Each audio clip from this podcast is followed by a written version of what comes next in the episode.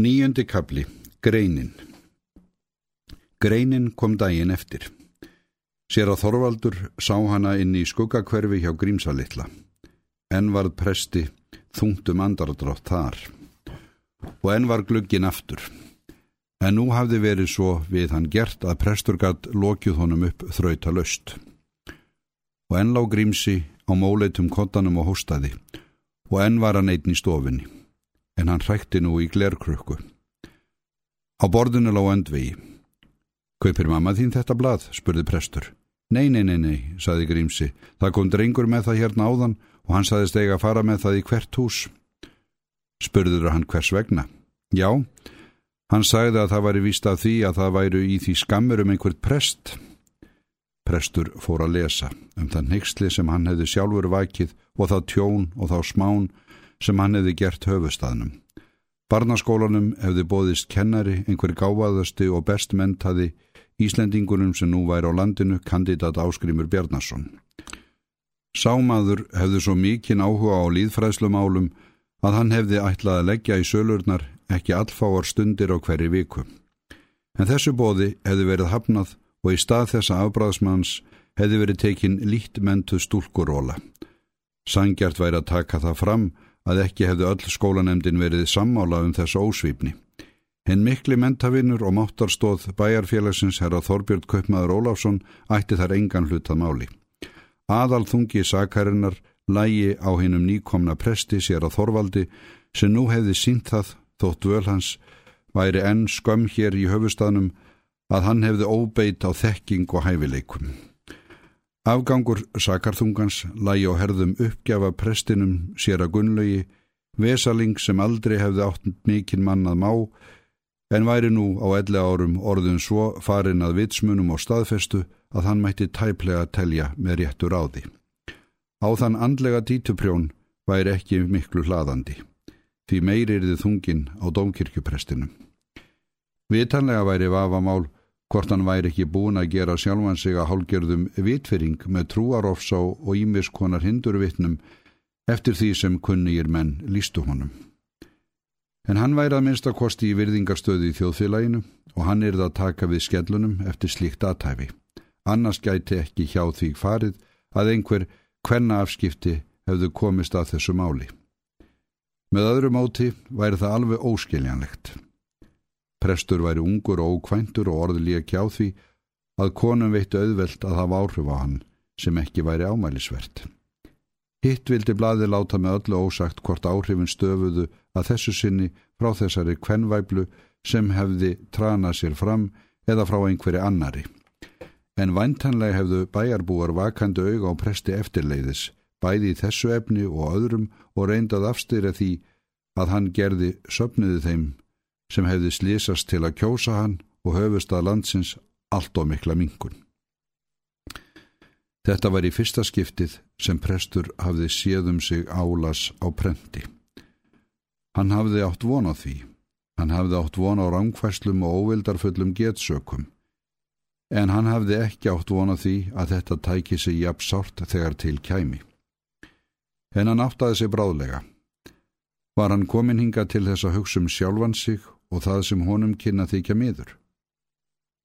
Hann tók að lauga andlit og hendur grímsa og greiða hárhans eins og hann hafði séð Ragnhildi gera. Hann reyndi að vera kátur, létt talið berast að öðrum löndum, segðu honum frá stórkoslegum leikþingum á Englandi og í Vesturheimi og hvernig þau væru háð. Grímsi játaði sögunni við og við, en ekki varð prestur þess fullvís hvort Grímsi tæki nokkuð verulega eftir því sem hann var að segja honum. Haldi þér að ég muni deyja, saði Grímsi þegar prestur tók sér smá kvíld. Ég veit ekki, góði minn, það veit engin nema Guð. Haldi þér að læknirinn myndi ekki vita það ef hann kæmi, saði Grímsi. Hefur engin læknir komið til þín? Nei. Ég skal sjá um að hann komi í dag. Annars skiptir það engum máli hvort við lifum eða deyjum. Við höldum áfram að lifa þó að við deyjum. Þeim sem eitt hvað eiga bátt er sjálfsagt betra að deyja, í öðru lífin er Guð betur til þeirra. Nú var engin vaf á því að Grímsi var farin að hlusta. Þeir þauðu báðir ofur litla stund. Prestur sá að Grímsi var hugsi. Honu gengur vist illa að ná til sumra sem bátt eiga í þessu lífi, sagði Grímsi þá. Prestur hrökk við. Hann leit á þetta bæklaða barn sem drengirnir hafðu oftast verið vondir við og móðurinn hafði atyrt og líklegast barið af því að hann var svo setn og haldur. Þarna láð það hyrðingar lítið og einmanna með dauðan í líkama sínum og evanum miskun Guðs í sálsinni. Og honu var litið á bladið á borðinu fullt af ójöfnuði og rángindum og ílsku. Það eitt hafði barninu verið fært í dag. Og hugur hans varð fullur af þjáningum og eimd og synd mannanna. Hann nær til þín, elsku barn. Hann hefur sendt mig til þín, sagði hann og tók í höndin á grímsa. Og hann tók að segja honum það sem honum hugkvæmdist og satt hjá honum framundir kvöld. Þarna fær hann það, svo ummunar þessi pressbjátrungur, sögðu sumir og voru gladir þegar þeir höfðu lesið öndvegi. Þeir hafa gott að því bálvaður að einhverju líti eftir þeim sögðu aðrir. Hann er þá víst hvennamadur þessi prestur. Þeir vita víst ímislegt hverum annan þessir heldri menn sögðu enn aðrir. Ætla hans í komin í kunningskap við Siggu. Hvað ætli þessi ennska segja um það, sögðu sumir. Hvað þessa skammir eru mikil anstigð, auðvita eintóm rángfæsla og líi sögðu aðrir. Vitanlega er þetta einhver lí eins og vandir, sögðu ennaðrir, en það er gaman að því samt.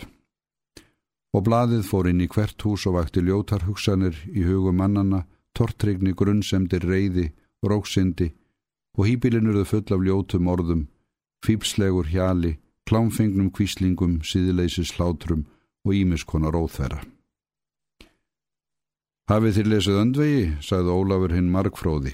Hann skrappin í stofuna hjá yfirdómara að Ragnhildur satar við hljóðfærið. Nei, saði Ragnhildur. Hafið þér ekki lesið það? Skammirnar um prestin. Einhverjar þar snjöldlustu sem hér hafa sérst. Þér verðið að lesa þetta. Ég les aldrei öndvegi. Því ég stundum fleikt hér inn í eldhúsið, lengra fer það aldrei. Og ég er aldrei í eldhúsinu. Hún snýri sér frá honum og fór að leika á hljóðfærið. Viti þér við hverja er átt í greininni sem presturinn er komin í kunningskap við? Hvernig hef ég að vita það? Ég sagði þur að ég hefði ekki lesið greinina og ég les hann aldrei. Og hún helt áfram með lægið, en hún fann óstyrk í hjartanu. Verð þið sælar, saði hinn markfróði maður og rauk út. Sælir, saði Ragnhildur og saði eftir. Nú var þá farið að svíverða hann og sjálfsagt mikið, mikið í vandum. Jæja, þetta vildi hann, honu var sagt hvað af því litist, en óstyrkurinn leið ekki frá. Var ekki hamingen í því fólkin að standa við hlið hans í örvadrífunni, hvað sem sjálfur henni leið, var hún líkleg til þess að hefja sjálf baráttu fyrir nokkuru réttu máli. Var ekki dýrlegt að mega styðja, var ekki dýrlegast af öllu að mega styðja hann. Nei, nei, nei. Jú, jú, jú, nei, nei, og sundurleitar hugsanir kom upp úr djúpi sálar hennar eins og hitabólur í hver.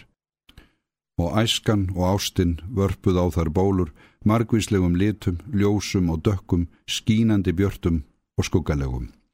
Og bólurnar hjöðnuð aftur niður í djúpið, en alltaf komu aðrar í þeirra stað nýjar og nýjar með nýjum og nýjum litum og Ragnhildur gati ekki átt að sig á sjálfri sér.